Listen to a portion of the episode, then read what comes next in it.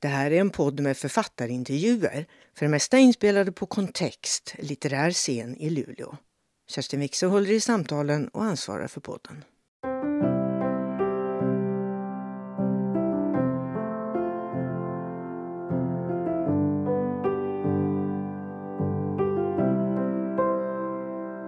Välkommen Agneta. Tack Kerstin. Så roligt att du är här igen, ska jag väl säga. Det finns säkert någon i publiken som har varit med när Agneta har suttit här förut. Finns det det? Ja, men titta. Men jag minns också att jag har varit här och jag blev så glad att bli bjuden tillbaka. Agneta, internationella kvinnodagen, vad betyder den för dig? Ja, men det är väl schysst att det finns en sån dag. Och det har ju hänt så mycket med kvinnorna sedan jag var liten så att, och det mesta bra. Så, så det, det, det känns fint. I de här dagarna så är det ju, det är ju svårt att koncentrera sig nästan på Ja. något annat än det här fruktansvärda kriget som utspelar sig i direktsändning. Men jag tänker på den här östliga slaviska sfären. Den är ju inte, den är ju inte främmande för dig. Jag vet att du till exempel har deltagit i flera författarresor till Belarus till exempel. När det fortfarande var möjligt. Ja, det har jag gjort. Men jag vet inte varför, men jag kom tidigt att intressera mig för Ryssland. Jag kan tyvärr inte ryska. Men eh, ryska historien och så närheten till Sverige och påverkan, ja, det har upptagit mig en del. Du har, du har skrivit om eh, Rosa Luxemburg. Ja, Du har skrivit om eh, Alexandra Kollontaj. Du har skrivit om eh, den här kvinnliga Sonja matematikern Kowalewski, ja. precis, som var verksam i Stockholm. Det här att du valde detta, jag menar det är ju kvinnor med otroligt dramatiska liv. Ja. Var det det som styrde ditt val att skriva dramatik och film och så vidare om dem? Eller, eller var det bara att de var kvinnor, höll jag på att säga? Nej, men jag, när jag skrev, började skriva om Alexandra Kollontaj, det var ett långt forskningsarbete. För jag, det var ju svensk vänster och jag måste liksom förstå grunderna för svensk vänster, tyckte jag. Så jag började, läste väldigt mycket om Alexandra Kollontaj och så var jag ju också dramatiker. Och sen så slog det mig att, att eh, så, hur så få ledande roller det fanns för kvinnliga skådespelare. Så då fick jag nog idén om att jag skulle vilja skriva en pjäs med Alexandra Kollontaj som huvudperson. Ja, sen följde det ena efter det andra, för att sen följde jag henne i spåren. Jag höll henne liksom i handen för att ta mig igenom den ryska historien, i alla fall eh, från 1917 och framåt, och försöka förstå hur människorna tänkte. Och så hade jag väl köpt någon eh, från ryskan översatt biografi över henne och den var så oerhört falsk. Alltså den var så propagandistisk så jag tänkte att så kan det inte ha gått till. Hur gick det till egentligen eh, med hennes karriär och hur det kom sig att denna generalsdotter som hon ju var, en borgerlig flicka, kom att bli först menshevik och sen bolsjevik och sen eh, leda, eh, minister för kvinnofrågor och barnfrågor i den första bolsjeviken. Ja, det var väldigt intressant. Och hon lyckades ju också, hon överlevde ju Stalin alltså faktiskt. Hon klarade sig från utrensningarna. Hon eh, blev ju ambassadör. Eh, hon var ju en av de få språkkunniga. Eh, Stalin intresserade sig för henne. Jag vet inte om hon intresserade sig så mycket för honom, men han intresserade sig för henne. Så han skickade henne först till Norge och, och sen till Sverige, som, och sen till Mexiko och sen till Sverige som ambassadör. Så hon befann sig ju här och här mindes många henne. Hon hade ett stort umgänge med Karl Gerhard och Nanna Schwartz och alla möjliga. Så hon, hon, hon fick ju en plats i svensk historia.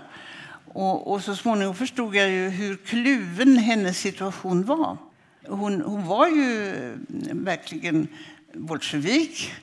Men hon såg också alla övergreppen som begicks. Och under någon period så kom hon ju Trotskij rätt nära, vilket var farligt för henne. Så det var mycket märkligt att hon sparades när de flesta av de ryska ambassadörerna åkte dit i Moskvarättegångarna. Ja. Du, nu sa ju du själv historia. Det verkar ju nu, tänker jag, som att Putin har startat det här fruktansvärda kriget till del baserad på en helt egen historieskrivning har vi ju fått lära oss under de här dagarna. Det har i alla fall fått mig att tänka på eh, hur viktigt det är med någon sorts relevans i den historia vi skriver. Alltså att det är verkligen viktigt. Hur tänker du om det? Ja, förstår jag din fråga rätt nu? Hur, Jag vet inte. eh, hur menar du? Eh, nej, men jag menar... Eh, jag är Alltså inte hur historiker, men jag har kommit att intressera mig för historiska skeenden och för vad som är falskt och vad som är sant. Hur man kan, hur, hur man kan liksom få en klarare bild av det förflutna genom att försöka gå till någon sorts källor. Putin följer ju ett gammalt storryskt mönster, eller stalinistiskt mönster får man säga. Han fullföljer ju imperiedrömmen. Ryssland var ju ett imperium, eller Sovjetunionen blev ett imperium. Så, och det där är ju eh, något befängt i vår samtid. Omodernt. Ja, omodernt. Verkligen omodernt. Du, sen du sist var här så har du skrivit många fler böcker. Och vi ska ju såklart prata om eh, din senaste roman som heter Dubbelporträtt. Men jag tänkte väl att vi också skulle ägna kvällen lite grann åt att göra ett, ett dubbelt dubbelporträtt, ett litet porträtt av dig också, eller åtminstone tala en del om, om ditt författarliv. Det måste vi ju göra när, när du nu är här. Jag vet att du med eh, nöd och näppe undvek döden för inte så många år sedan efter en TBE-infektion. Ja, en fästing, ja. Och så skrev du om den här omtumlande erfarenheten av att ha legat i koma i flera månader och så vidare i en text. Inte fem månader, men några veckor. Ja, några Ja. veckor i alla fall. I Dagens Nyheter. Alltså, Ja, ju det då- var, de frågade mig faktiskt. Jag hade inte haft den idén själv, men de eh, frågade mig och eh, då råkade jag just ha läst en sån intressant bok av en dam som heter Jill... Bolt Taylor. eh, Just det. Kan du säga det en gång till? Jill Bolt Taylor. Så heter hon, ja. Eh, om hjärnan. Och, och hon, hon var ju hjärnforskare och fick en stroke, eller en hjärnblödning, i ena hjärnhalvan. Och, som, som läkare och vetenskapsman så kunde hon själv följa det förlopp som hon var med om. Menar, hon, kunde, hon kunde förstå vad som hände. Och när hon då tappade rörelseförmågan i ena armen så förstod hon att nu har jag kommit så här långt och nu måste jag ringa efter hjälp. Och så beskriver hon helt gastkramande hur hon har glömt telefonnumret till sin arbetsplats vid ett universitet. Men så kommer det blixt och hon kommer ihåg det. Och den man som hon delar rum med råkar ta telefonen. Han var inte alltid inne. Och, han, och hon kan inte längre tala. Men han känner igen hennes röst. Och, och så räddas hon ut ur sin våning och sen till en lång process som hon beskriver väldigt eh, liv, livligt i, i denna bok som jag råkade ha läst. Eh, och, och detta att hjärnan påverkar oss så ofantligt mycket och att vi vet så lite om den. Men hon lyckades ju klargöra några saker för mig. Det, jag var inte, det var inte det som jag hade råkat ut för. Jag hade råkat ut för ett fästingspett och en eh, TBE. Men, eh, men eh, på något sätt hängde det ihop. Jag menar hur, hur maktlösa vi är inför vad hjärnan tar sig för med oss. Ja, det var det jag skrev om i Dagens Nyheter och, och skrev väldigt mycket om henne och eh, hennes hjärnforskning. Det säger väl en del om dig också. Jag menar, en annan, du är verkligen författare in, i, ut i fingerspetsarna. Någon annan kanske bara hade varit glad över att ha överlevt. Men du, du skriver den här långa texten. Ja, för jag blev tillfrågad om det. Och, och det är klart att det, när man råkar ut för en sån där sak, när man blir medvetslös och ens närstående får berätta vad det var som hände. Det tog ju väldigt lång tid för mig att rekapitulera vad jag hade varit med om. Eh, så är det en sån där, eh, det är en sån där, ett sånt där brott i livet som man är tvungen att tänka, tänka lite mer på efterhand. Jag tror inte det var för att jag var författare ut i fingerspetsarna utan därför att det är en sån där sak som händer och, och, och, och när man får ge det lite eftertanke. Jag var ju otroligt tacksam över att jag överlevde. Du, hennes eh, bästsäljare då, den heter Min stroke. Ni kanske har Ja. läst den eller Den- ni kan ha sett den. henne på Youtube eller hon har gjort ett sånt där TED-talk som är väldigt fascinerande att titta på. Ja. Eh, till exempel. Du, du skriver i artikeln i DN citat, hennes bok är en lovsång till cellernas kunskap. Ja. Hur tänker du då?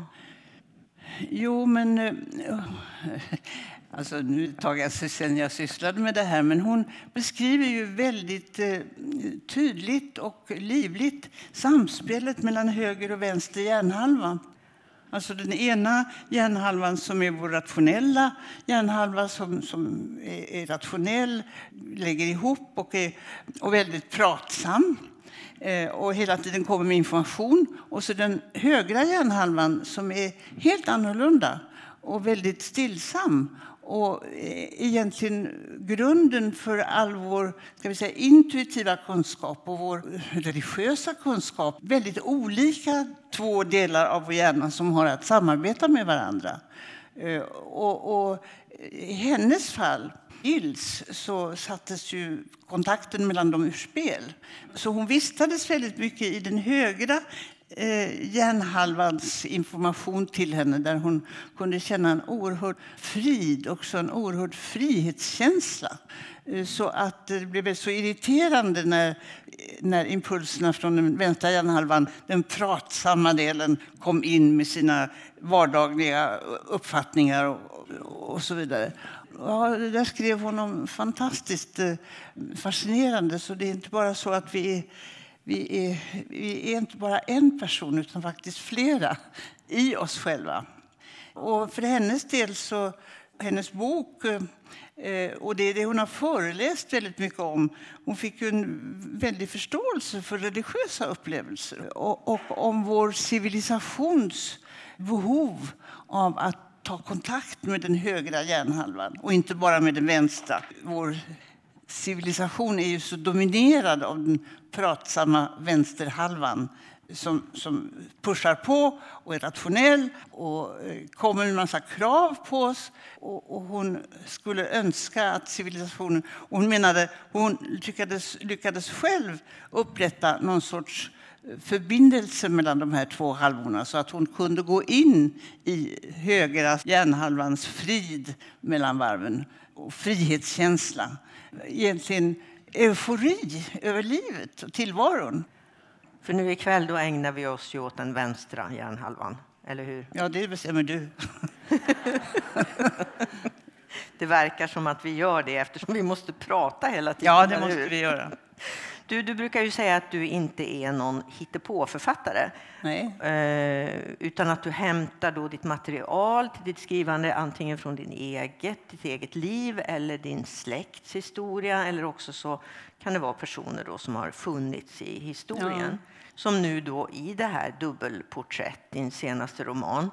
Agatha Christie, eh, den engelska deckarförfattarinnan, Känner till, ja. känner vi väl till nästan allihopa. Men kanske inte då den andra personen i den här boken, nämligen den österrikiske målaren Oskar Kokorska.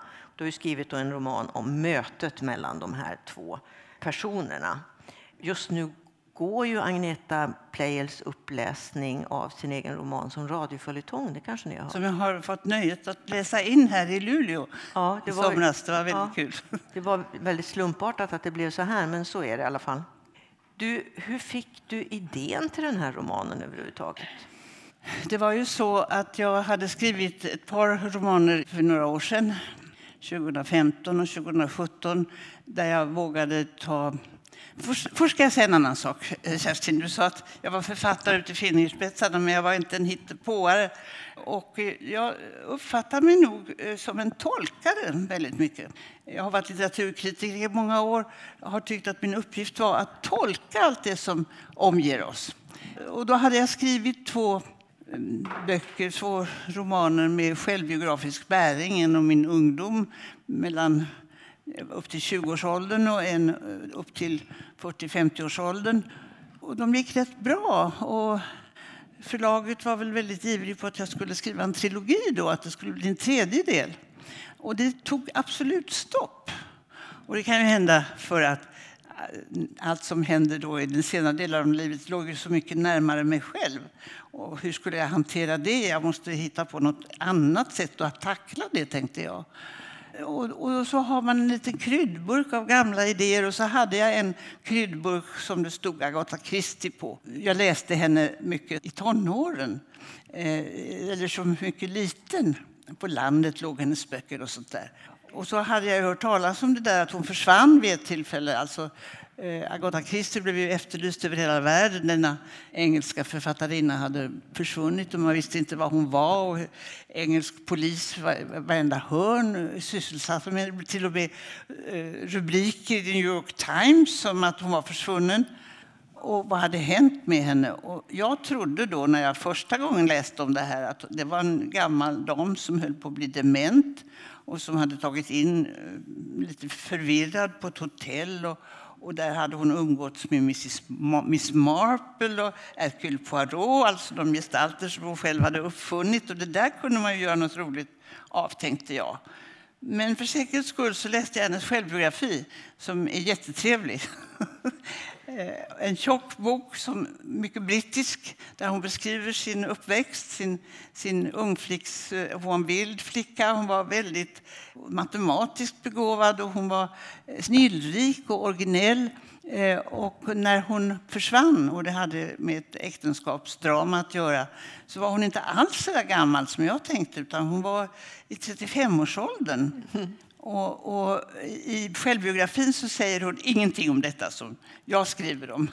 Utan det har, jag har läst ett antal andra biografier om henne. Så det var ett sätt för henne eh, i medelåldern, i, under en tragisk... Eh, hennes man bedrog henne med en annan kvinna och sa ingenting om det. Och, och det ledde till en skilsmässa.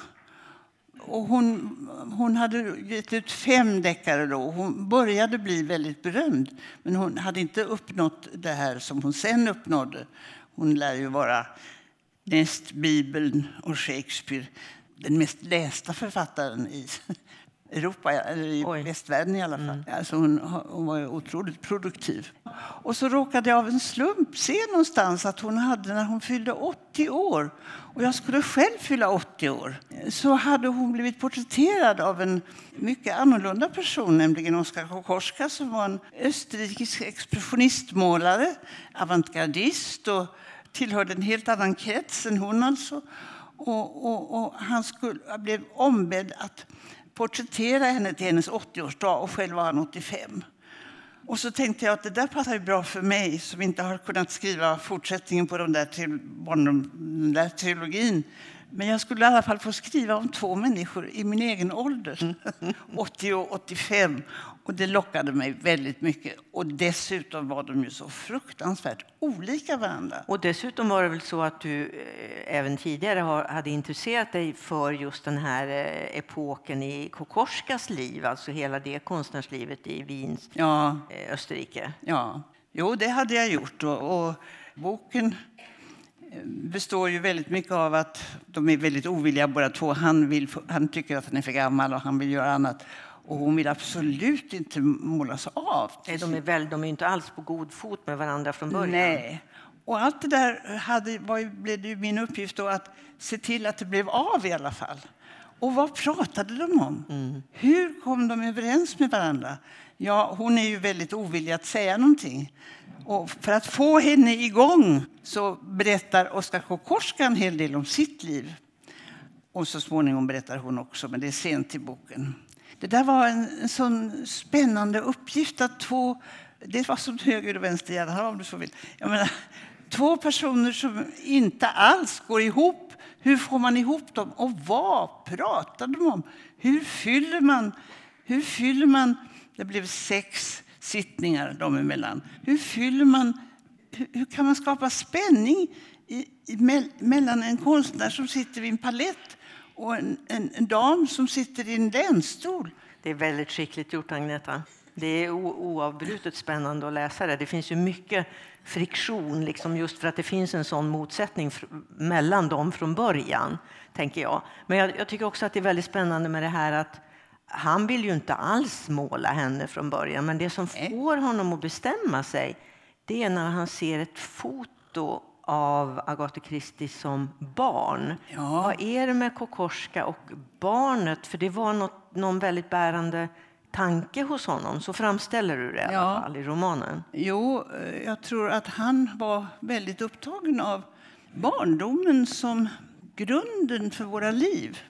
Alltså att väldigt mycket grundläggs ju faktiskt i barndomen som vi inte vet om eller som vi glömmer bort. Eh, Så han vill se ett... eh, Det, det har ju jag lagt till där då, eh, i boken. Men han begär att få se ett barndomsfoto av henne innan han kan bestämma sig. Och så blir han väldigt gripen av den här unga flickan, hon är 6-7 år. Hennes ansikte, för han ser att hon har en blick som är riktad utåt och som är, liksom håller omgivningen under uppsikt. Och en annan del av den där blicken går inåt. Och hur hänger det ihop? Han blir mycket fascinerad av fotot och det är då han bestämmer sig för ja, den här damen vill jag måla. Och så väver du ihop deras livsberättelser. Det finns absurda historier där. Och så får vi ju då veta en hel del om både liv och kärlekar och så vidare. Och när eh, Agatha Christie var på flykt och försvann så berodde det ju på, som du sa, sa du? när Agatha Christie var på flykt Ja. och försvann, så du sa ju det, så var det, eh, berodde det på, en, på, på hennes äktenskap. Ja. Eh, att hon hade blivit bedragen. Hon trodde väl länge att det där skulle hon aldrig resa sig ifrån. Men det gjorde hon ju med besked. Hon lär ju ha rekommenderat sina mer olyckliga väninnor att eh, de skulle gifta sig med en arkeolog och helst någon som var mycket yngre än de själva. För det att arkeologer är mest intresserade av det som är gammalt. ja. Jag vet inte om den är sann, men det är en historia som går om henne. Ja, precis. För det var ju exakt det hon gjorde och det blev ett lyckligt äktenskap tror jag. Ja, det tror jag. Alltså, hon, hon, efter den här olyckliga skilsmässan och försvinnandet som hon inte nämner någonting om i sin egen självbiografi så bestämde hon sig för att åka till Bagdad. Hon ville åka till det gamla Mesopotamien och följa de brittiska utgrävningar som pågick där.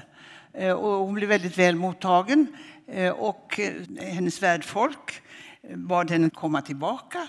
Och, och då kom hon tillbaka och då hade de ordnat en guide åt henne, en ung man. Vilket hon var väldigt ointresserad av. Vad skulle hon, hon var 40 år eller 38 eller något sånt vid det här laget. Vad skulle hon prata med en 25-åring om? Men de hade jätteroligt. Och så åkte hon hem till England och han kom efter och friade. Och hon sa nej, absolut inte, ni är inte klok. Men de gifte sig och eh, det blev ett väldigt bra äktenskap och hon följde med honom på alla hans arkeologiska resor. Och många av hennes deckare utspelas ju i Mesopotamien eller i Egypten, kniven i vattnet, eller, eller i Grekland. Alltså hon har varit på alla de ställen som hon, har, som hon skriver om i sina deckare.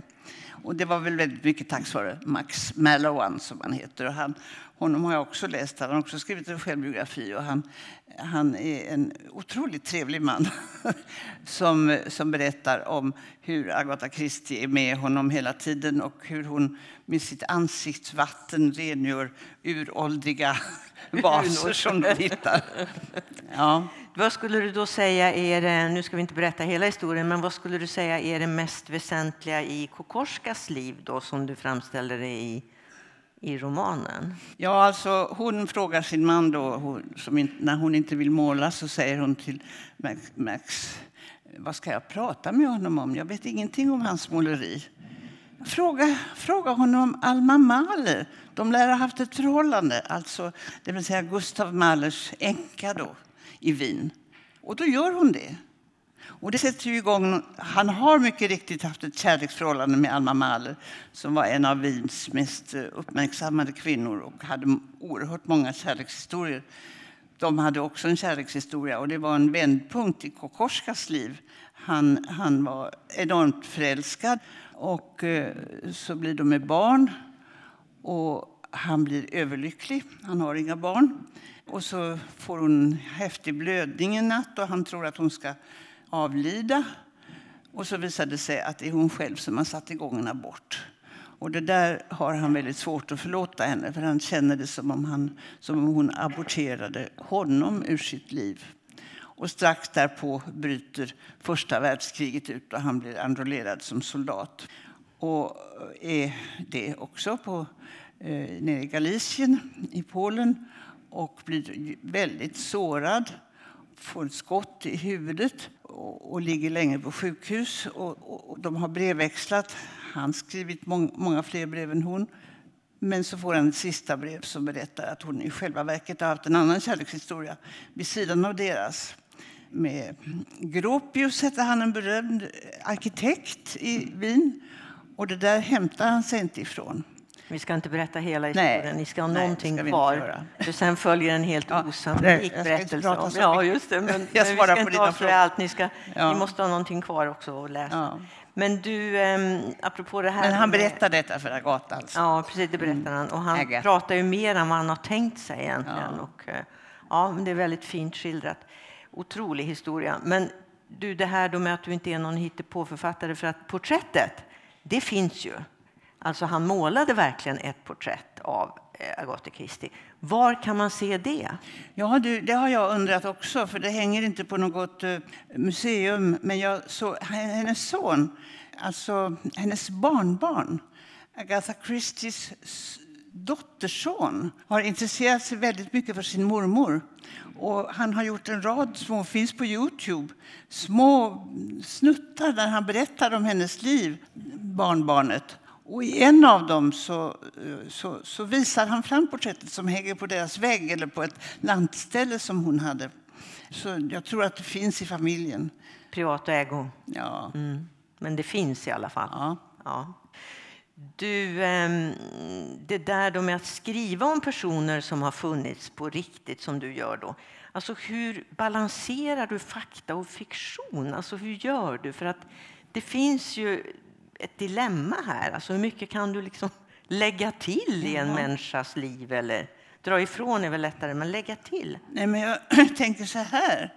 eh, Eftersom jag ofta ägnar en del tid åt att läsa om de personer som jag, som jag tycker är spännande att ha med i, i mina egna berättelser. Ja, så tänker jag att man får inte förvränga.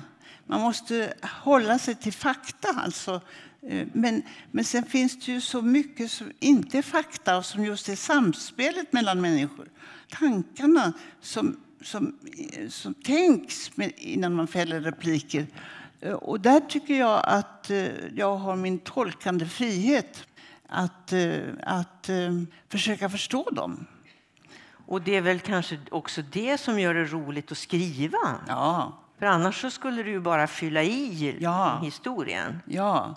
Nej, men jag tycker att när man skriver så, så är det ju för, för att försöka ta reda på någonting som man inte vet. Och det är det spännande i det hela. Vad kommer, hur, hur, hur kan man tolka verkligheten? Jag tror att det är det jag ägnar mig åt. Det är det du gör. Men du, när du då skriver om ditt eget liv, då är det ju naturligtvis på ett sätt lättare för att då bestämmer du ju helt och hållet själv vad du vill skriva om och vad du inte vill skriva om, såklart. Då undrar jag bara så här, när du skrev Spådomen och Doften av en man till exempel. Hur, hur gör du för att minnas, tänker jag? För att de romanerna är ju fyllda av som detaljer och exakta beskrivningar av miljöer och dialoger och beskrivning av känslor. Och, och det här ligger ju ändå rätt långt tillbaka i tiden. Väldigt långt tillbaka i tiden. Jag tycker själv om jag försöker, jag minns jätte, jag skulle inte kunna minnas på det där sättet. Hur gör du? Ja, det var ju inte en så lätt fråga. Nej. Men jag tror att eh, för var och en, i alla fall hos mig och ho- hos de flesta människor, det är klart att man glömmer det mesta. Men vissa saker glömmer man inte. Det finns vissa scener, vissa händelser som alltid är förbundna med starka känslor. Antingen av eh, glädje eller av sorg som bevarar vissa minnen. Och de där böckerna har jag helt enkelt utgått från sådana minnen. Och då har jag, är det ju inte bara mig själv jag skriver om utan som i barndomen så vet man att det hände en sak som man fäste sig vid och där fanns mamma och där fanns pappa och där kanske fanns syskon. Och hur upplevde de det? Om inte bara jag eh, ska ha embargo på det här minnet. Och då, och då utvecklar sig ju scener, personbeskrivningar. Jag tror att det är ungefär så som jag har, eh, jag har utgått ifrån äkta minnen. Eh, och sen har jag försökt göra någon sorts arkeologiskt pussel av dem. I början så var jag väldigt osäker på vilka saker som hade hänt först och vilka saker som hade hänt sen. Men ju mer jag skrev, desto mer började en familjehistoria då att utveckla sig. Så naturligtvis visste jag ju hur det hade gått med mina föräldrar till exempel. Så att det är en kombination av äkta minnen och tolkningar. Men du minns mycket? Jag ska säga det eh, att om man börjar skriva då börjar man också minnas. Är det så det går till? Ja. Mm.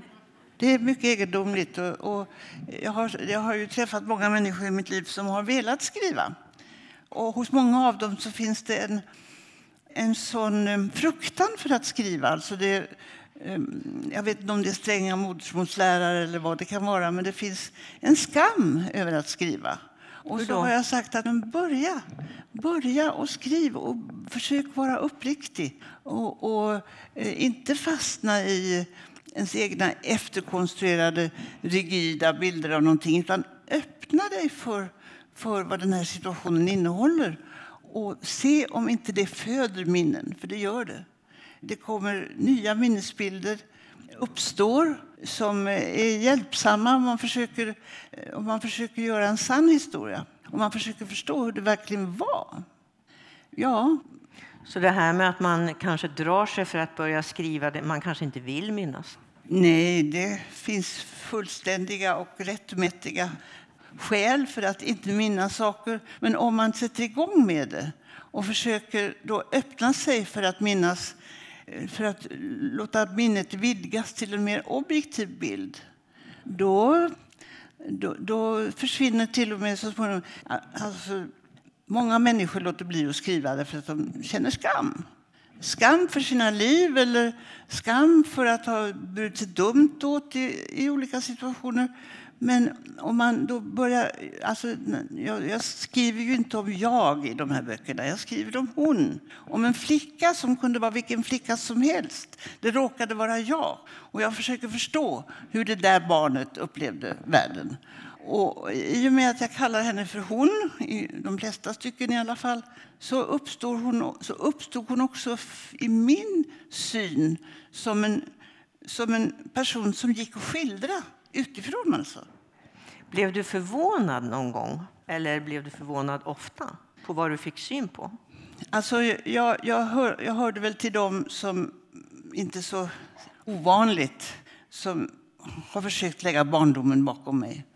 Den var på olika sätt obehaglig. Man vill inte minnas den. Och så dum jag var. Jag var liten och dum. Men om man börjar se det här barnet eh, som en gestalt i sig så tänker man att hon kanske inte var så dum, utan det berodde ju på någonting, eh, hennes reaktioner. Och, eh, så att eh, jag eh, blandade väl efter de där böckerna i en mer försonlig bild av mig själv. En mer förlåtande bild av mig själv. Jag tyckte inte om den flicka som var jag, och jag vet inte varför. Så där hade du och Kokorska lite gemensamt? Att liksom betrakta barnet så får man syn på ja, någonting. Ja, jo, men alltså barndomen är och vi kommer ju inte åt den.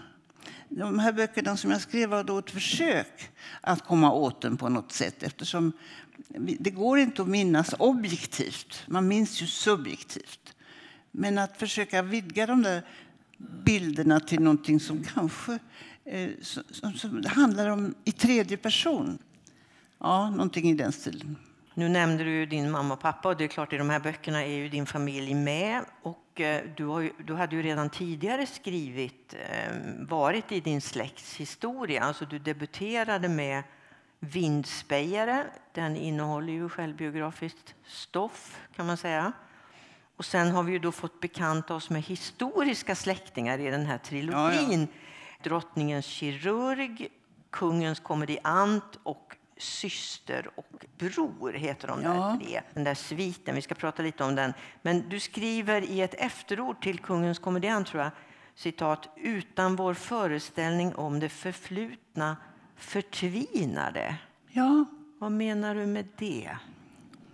Jo, jag menar ju så här att vi är ju sammansatta av förflutet och närvarande. Eh, Alltså, eh, historien påverkar ju oss även om vi har glömt den. Eh, Just det, Ja, så är det ju. och, och eh, att få eh, samspelet mellan dåtid och nutid att fungera, det, det tror jag har varit en drivkraft. Att få dem att hänga ihop. Ja, Alltså i de här tre romanerna då, då har du ju också verkligen fått föreställa dig och jobba med den där fantasin som du pratade om förut då.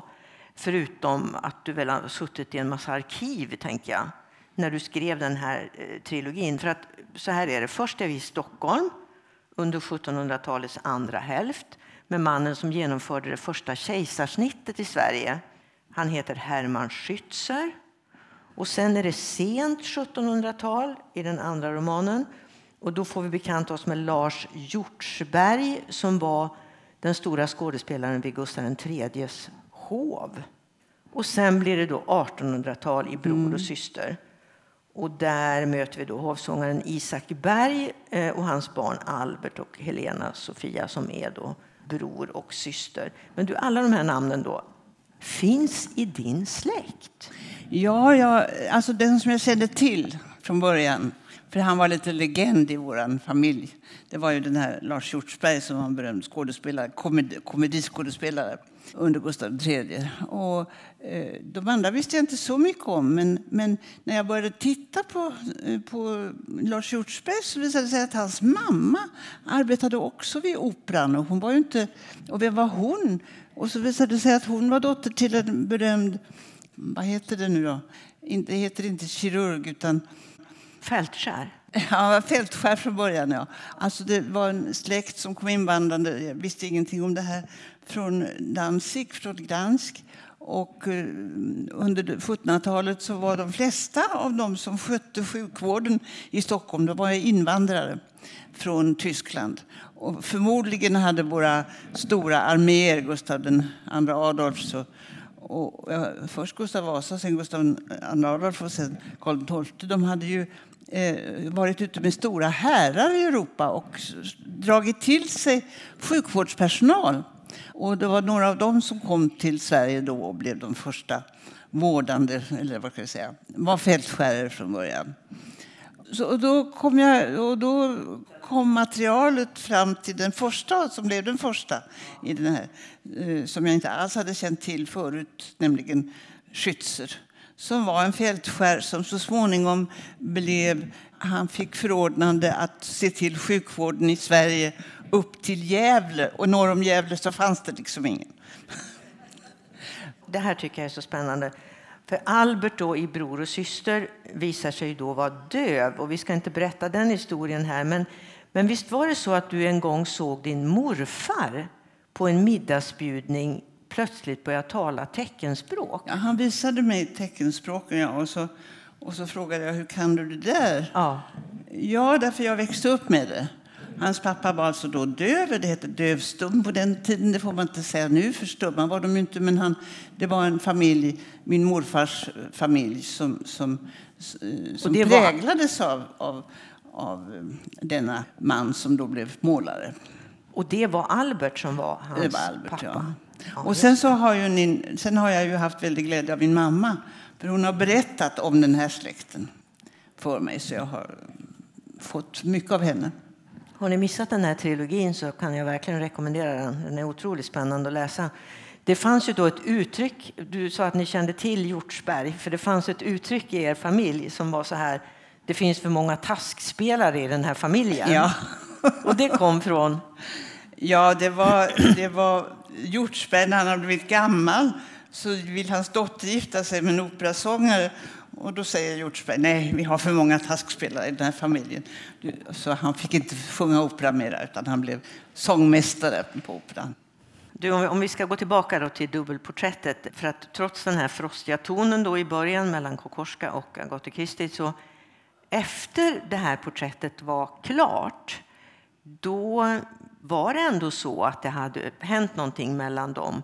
För det har du väl inte hittat på, att de sen skrev brev till varandra tills mm, den första dog. Och det var Agatha Christie, tror jag. Hon dog före honom, ja.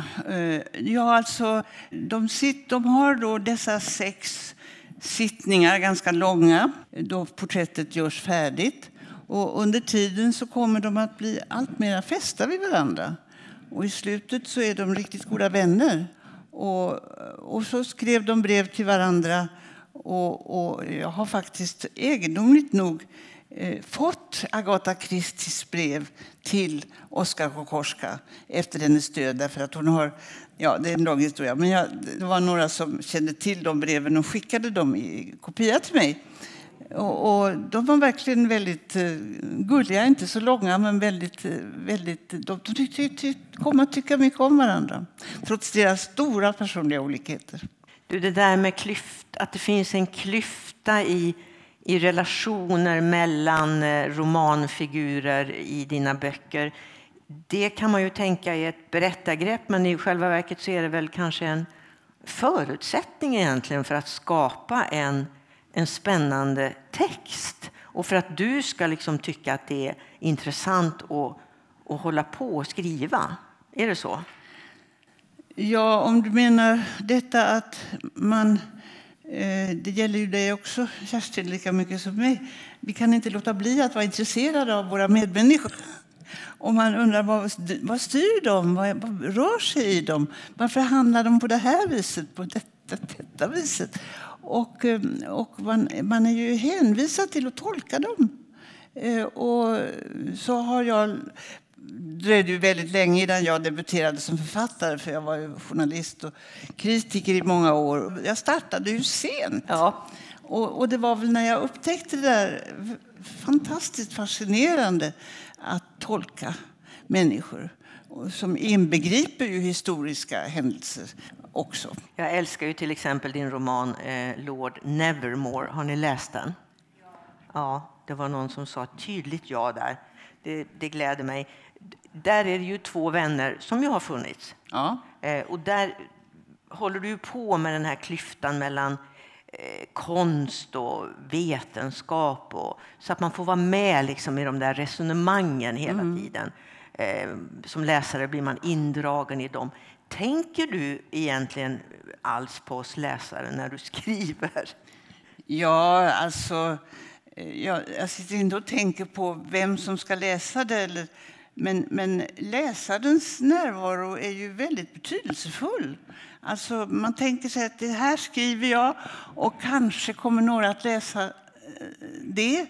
Och då kommer det att uppstå en dialog som jag inte får vara med om men som ändå kommer att finnas mellan läsaren och författaren.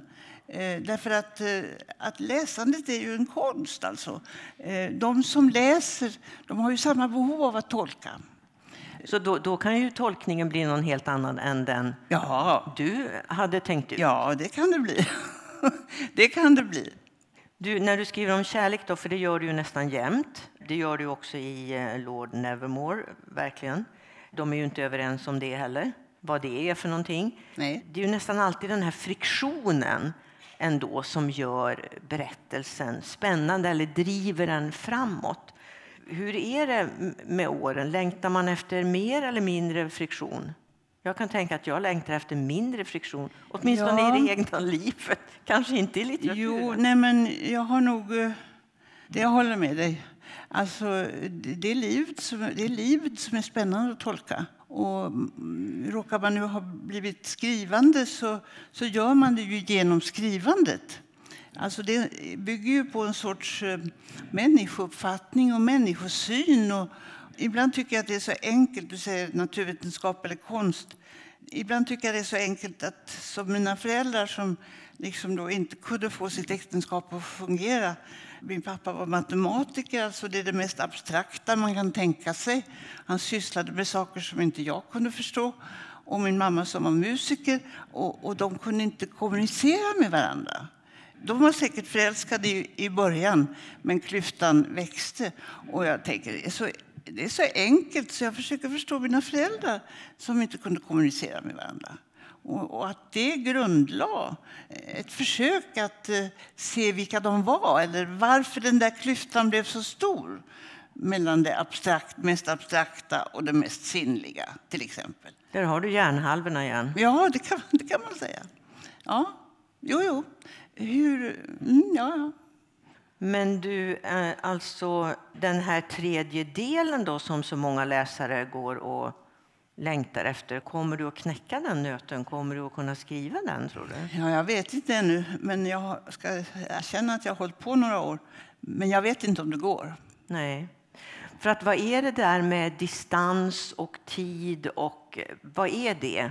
Alltså du sa det förut att det kanske låg lite för nära. Ja. Har det med saken att göra eller är det för att du inte är klar med de minnena liksom? Eller vad, vad beror det på? Ja, jag tror att det beror på att eh, ju äldre man blir på något bisarrt sätt, desto svårare blir det att tolka sitt eget liv.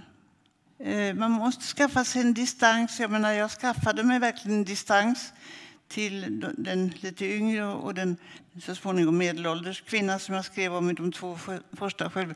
Jag, jag, kunde se dem för mig, men att se mig själv för mig på det sättet är svårare.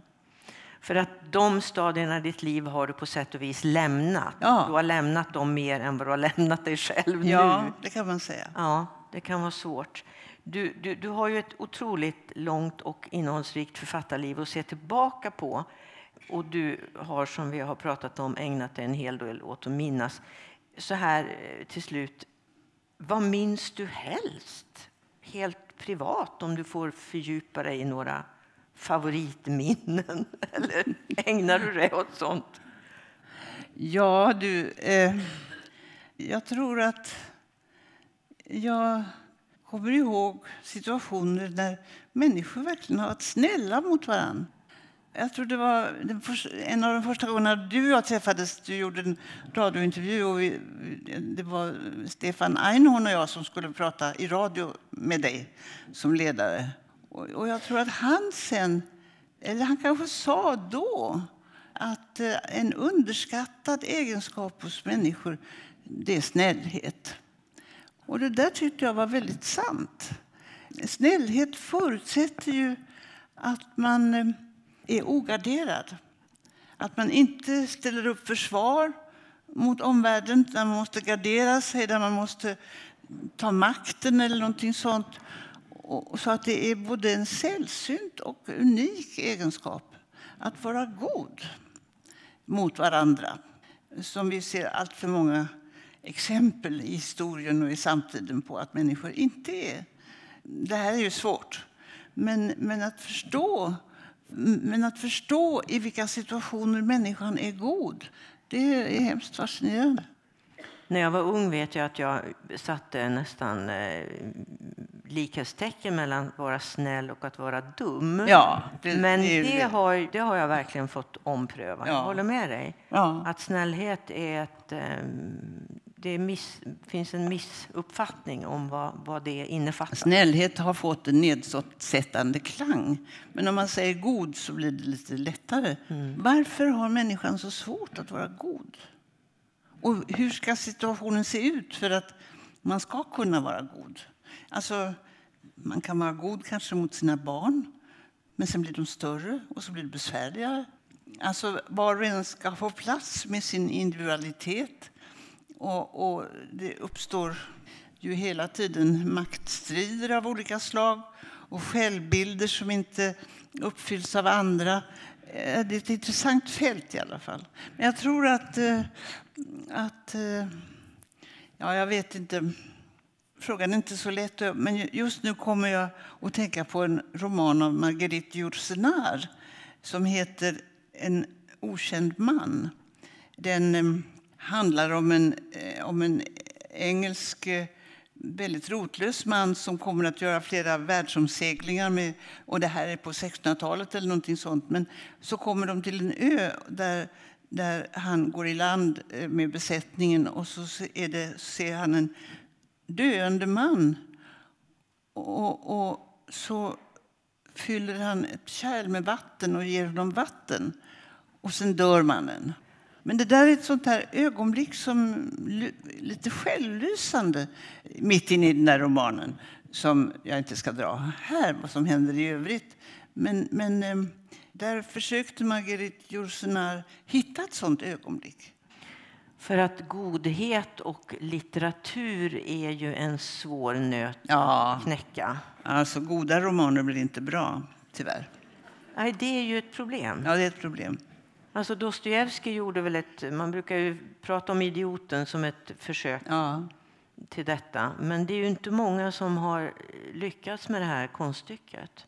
Nej, men Dostojevskij har ju några porträtt. Den här Aljosha som är i eh, Bröderna Karamazov, han är ju ett, försök, ett bättre försök än idioten att skildra eh, en, en, en människa som är väldigt ogarderad och öppen.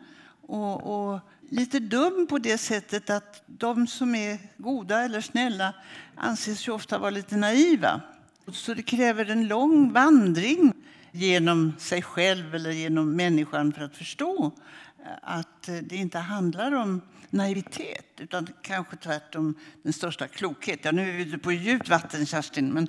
Ja, men jag vill, höra, jag vill verkligen höra vad du har att säga om det där. För att det där jag tycker att det där är det är så intressant att vi är så ointresserade. Eller är det det att det, då finns inte friktionen längre? Då finns inte konflikten eller så? Ja, men alltså, det går ju nästan inte att skriva utan konflikter heller. Nej. Därför att vårt liv är fyllt av konflikter på inre och yttre mm. plan.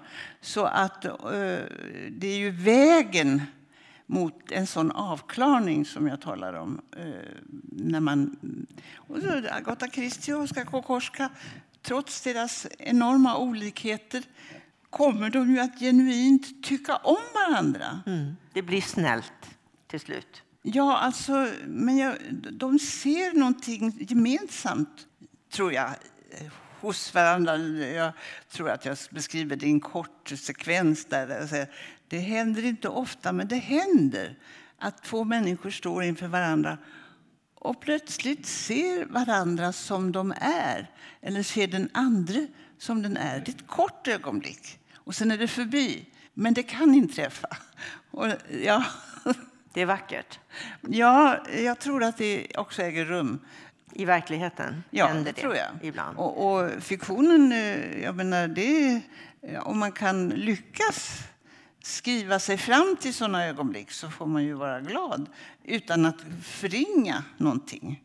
Utan att ta bort alla de konflikter som människan verkligen är utsatt för hela tiden. Och det har ju du gjort i ditt författarskap, Agneta Pleijel. Tack för att du kom till Kontext.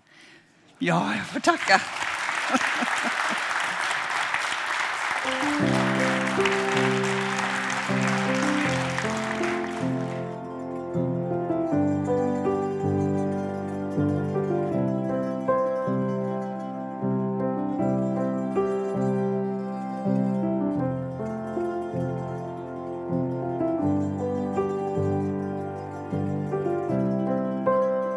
Kontext Podcast produceras i samarbete med Kontext, litterär scen i Luleå. Författarscenen drivs med hjälp av Statens kulturråd och Luleå kommun.